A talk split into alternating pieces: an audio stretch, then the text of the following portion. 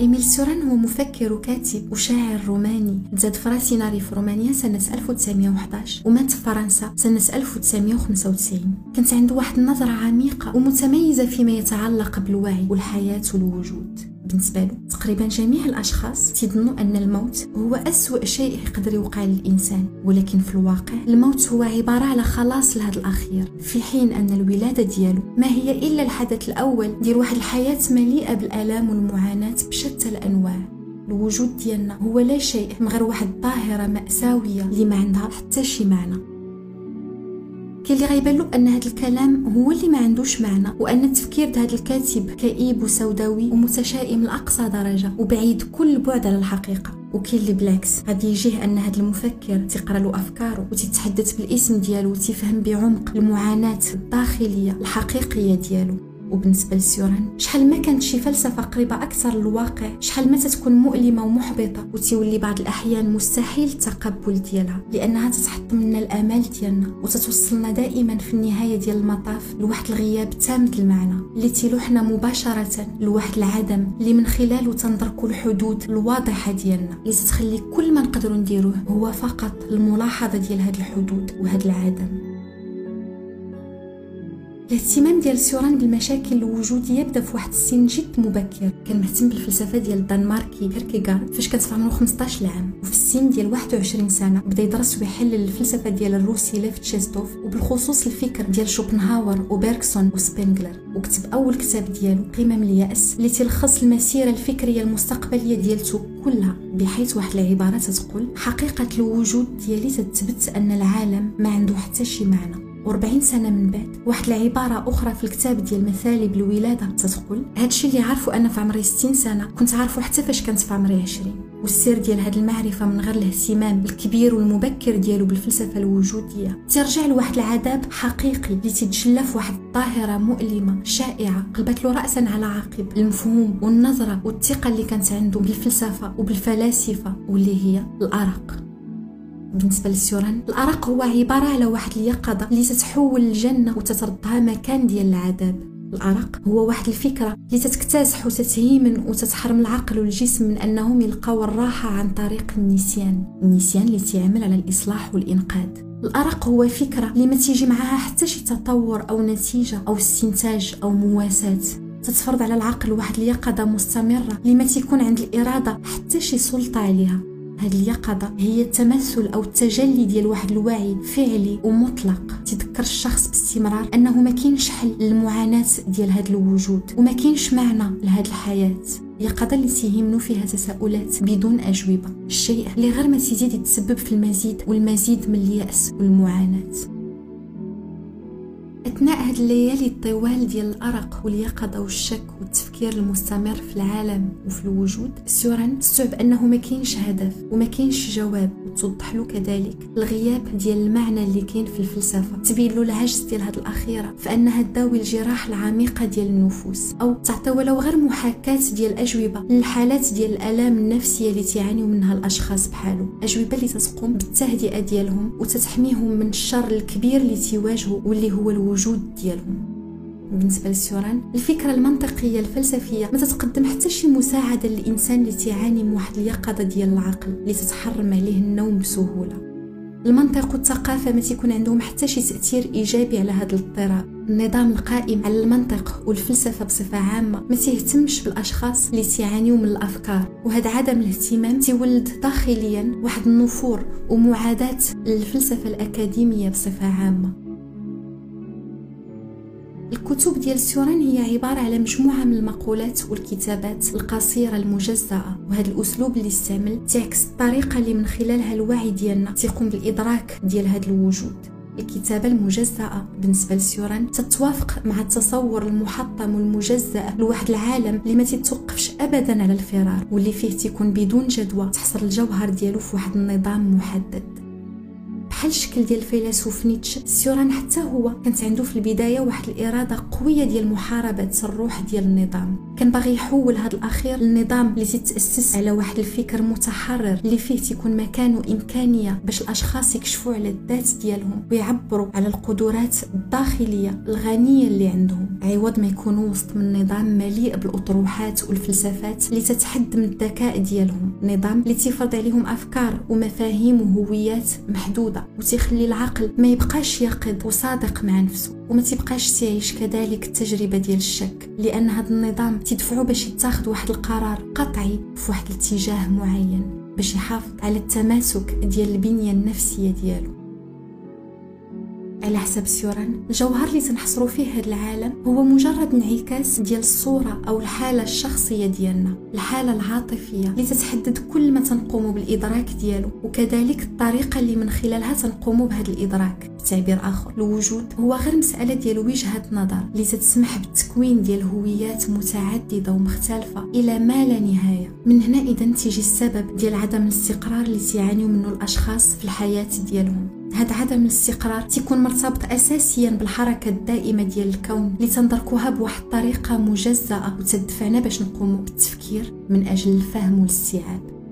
الوعي ديالنا ما تيكونش عنده جوهر أو محتوى اللي تيشكل واحد الذات مستقرة تدرك وتستوعب الحركة ديال الأشياء المحيطة بها وفي نفس الوقت تتبقى مخلصة للطبيعة البنيوية الأصلية ديالها. لأن هاد الذات تتكون غالبا مستسلمة وخاضعة للعفوية ديال الحياة. لهذا فنادرا فاش تكون واعية بالمحيط ديالها وبالأفعال والأشياء اللي تتقوم بالإدراك ديالها. زائد أن الوعي ما تسمحش بفهم الحركة الكاملة ديال الأشياء. تستوعب غير لحظات مجزأة من هذه الحركة. هاد اللحظات هما التجارب بالنسبة للسيوران وهاد التجارب تتكون غالبا متناقضة. لهذا فاش تنحاولوا بأي طريقة نردوها متماسكة تتفقد مباشرة الأصالة ديالها. وهذا التناقض هذا اللي تيهضر عليه سيوران تتجلى في جوج ديال الدوافع الفكرية اللي تتواجد لداخل ديال الذات. تتكون متعارضة وفي صراع دائم بيناتها الدافع ديال الحياة والدافع ديال الشك. الفعل ديال التفكير هو غير نتيجة ديال واحد الكفاح مستمر ضد المعاناة ضد الشك وضد الظاهرة ديال الموت. التفكير اللي تنعتبروه ميزة عند الإنسان وتتخليه يكون متفوق ككائن حي على باقي الكائنات. سيوران ما تتفقش نهائيا مع هذه النظرة. التفكير بالنسبة له هو غير تعبير على واحد الإعاقة حيوية واحد النقص اللي وقع في البنية الحيوية ديال الكائن البشري اللي تنبع مع عدم القدرة هذا الأخير على الحفاظ بواحد الطريقة عفوية على الذات ديالو في هذا الوجود. مثلا القط أو شي حيوان آخر هو كائن حي مكتمل ما عندوش نقص في الحيوية ديالو. تعيش الحياة بكل عفوية وتيكون في جهل تام لهذه القضية لأنه عايش ومتواجد. وما تيفكرش كذلك في أنه غادي يموت. ما تيكونش واعي بأنه مجرد تعبير خالص ديال الإرادة اللي الهدف ديالها هو الاستمرارية ديال الحياة. هذا الجهل هذا هو الشرط الأساسي ديال الاكتمال الحيوي وديال الحياة. هذا الكائن المكتمل حيويا ما تيكونش غير عنصر من الحياة بل تيكون هو الحياة بنفسها. الحياة باش تكون كاملة خاص ما يكونش فيها الوعي اللي تبدا ديما يقوم بالتمييز ديال الأشياء. والمشكل هو أنه كل ما تزاد الوعي كل ما الشخص تكتشف العدم اللي عنده الداخل والعدم اللي كاين في الوجود والنفس ديالو تتواجه واحد الفراغ لا مفر منه. هاد العملية المدمرة اللي تقوم بها الوعي وتتأدي بالشخص مباشرة للعدمية. سيوران تسميها الشك اللي تتعاش فاش العقل توصل لواحد المرحلة متفوقة ديال التفكير. هنا سيوران تيدير إشارة لأن المعرفة بصفة عامة تتبعد على الحياة. فاش شي واحد تتكون عنده معرفة حقيقية الوعي والمعرفة ديالو تيجردوه من الحياة لأن الكائن المكتمل حيويا ما تيكونش واعي بالوجود ديالو. ولكن الإنسان بصفته عنده الوعي المدمر اللي تيدخل في مواجهة مع الدافع الحيوي ديالو. هذا التناقض هذا اللي تعيش هو الأصل ديال كل معاناة في حياته وهو اللي تدفعنا باستمرار باش نقلبوا على واحد المعنى اللي ما كاينش لهذا الوجود. الوعي هو عبارة على خلل اللي وقع للإنسان وتجرده من القوة والعفوية ديال الحياة. وعلى حسب سيوران هاد الوعي هذا تيجي من عدم القدرة ديالو على العيش في واحد العبثية بدون عقلانية. تنشأ من فقدان الحياة جزء من القدرات ديالها وكأن الحياة علنت الإفلاس ديالها بالنسبة للإنسان. هذا هو المصطلح المفضل بالنسبة لسيوران باش يوصف هذه الظاهرة والوعي هو النتيجة الكارثية ديالها. الحضور الغير مرغوب فيه ديال الوعي في النشاط الحيوي تتسبب في واحد التمزق لا علاج له اللي مستحيل يتصلح عن طريق المعرفة. لأن الوعي ديال الشخص تيكون فاصل تدريجيا على الحياة باش يتأمل في الفراغ وفي العدمية ديالها وتيولي غير متفرج فيها وماشي مشارك فيها. تيكون فريسة ديال الوعي بالتغيير المستمر ديال الحياة اللي تفكروا دائما بالمشروع الحقيقي الوحيد اللي كاين واللي هو الموت. على حسب سيوران من خلال التجربة ديال التدهور التدريجي ديال الوظائف الحيوية اللي تمر منها الجسد ديالنا بعبارة أخرى من خلال المرض تنقوم باكتشاف الظاهرة ديال الموت اللي تتهيج الظهور ديال الوعي والتفكير الحقيقي. المرض هو عبارة على استبطان ديال الموت. هو الموت ولكن ببطء والآلام اللي تتنشا عليه تتخلق واحد المسافة بين الإنسان وبين الذات ديالو وتتخلي واحد التمزق في الأعماق ديالو اللي تيبدا يحفر لداخل ديال هاد الذات وتزيد يعزز الظهور والتطور ديال الوعي اللي تخليه يدرك ويستوعب من الأعماق الظاهرة ديال الموت اللي لا مفر منها واللي تتكون دائما وشيكة تيكون تيلاحظها وتتفرج فيها باستمرار تعبير آخر. الوعي تيدرك الظاهرة ديال الموت على أنها تتحدث حاليا وماشي كحدث خارجي ومستقل والوعي ديالنا بهذا الموت البطيء هو المصدر ديال جميع الألام والمعاناة اللي كاينة في الحياة. والمصدر كذلك ديال اليقظة اللي تذكرنا دائما بهذا النقص الفيزيولوجي اللي تنعانيو منه وتتشكل آلاف الأسئلة بدون أي جواب حقيقي. باختصار بالنسبة لسيوران الحياة هي مجرد ذكرى بعيدة محتفظ بها الإنسان في الأعماق ديالو لأن هذا الأخير تيكون عايش وموجود فاش ما تيكونش عارف نفسه عايش وموجود. وفاش تيقوم بالإدراك والاستيعاب وتتخلص من جميع الأوهام هاد اليقظة ديالو ما تتكونش غاده في الاتجاه ديال الحياة. تتردو غير متفرج. وشحال ما كبرات هاد اليقظة شحال ما تزيد يشعر بأنه أسير ديال الحدود ديالو. وكل ما تيكون في إمكانه يدير هو الملاحظة ديال هاد الحالة اللي تمر منها.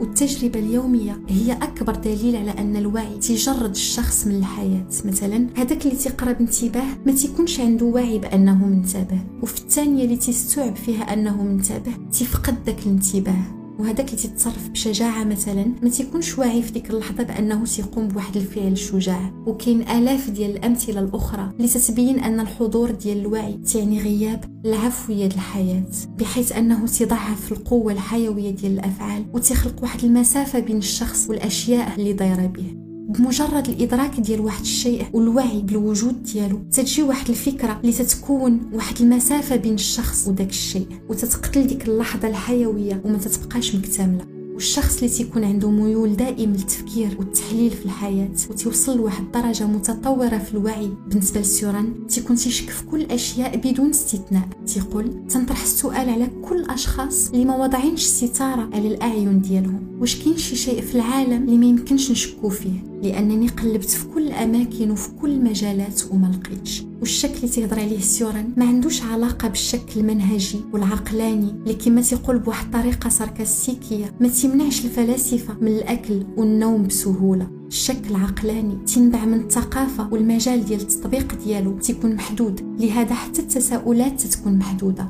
في حين أن الشك اللي تهضر عليه سيوران ما تيتمش التحكم فيه بشي طريقة أو أخرى وإنما تيتم التعرض ليه والمواجهة ديالو. تيكون تنبع من الأعماق ديال الشخص المفكر. هاد الشك هو التعبير المباشر على النقص الحيوي اللي تيعاني منه واللي منه تتنتج المعاناة ديالو بسبب اليقين اللي منعدم الوجود ديالو. وهذا الشخص ما تيبقاش تتخدع ابدا بالأوهام واخا يكون هو عنده رغبة في هذا الشيء. لأن الشك تزعزع التوازن اللي عليه قائم الإنسان وكل ما هو موجود والعدم تولي هو الوطن المستقر الوحيد ديالو.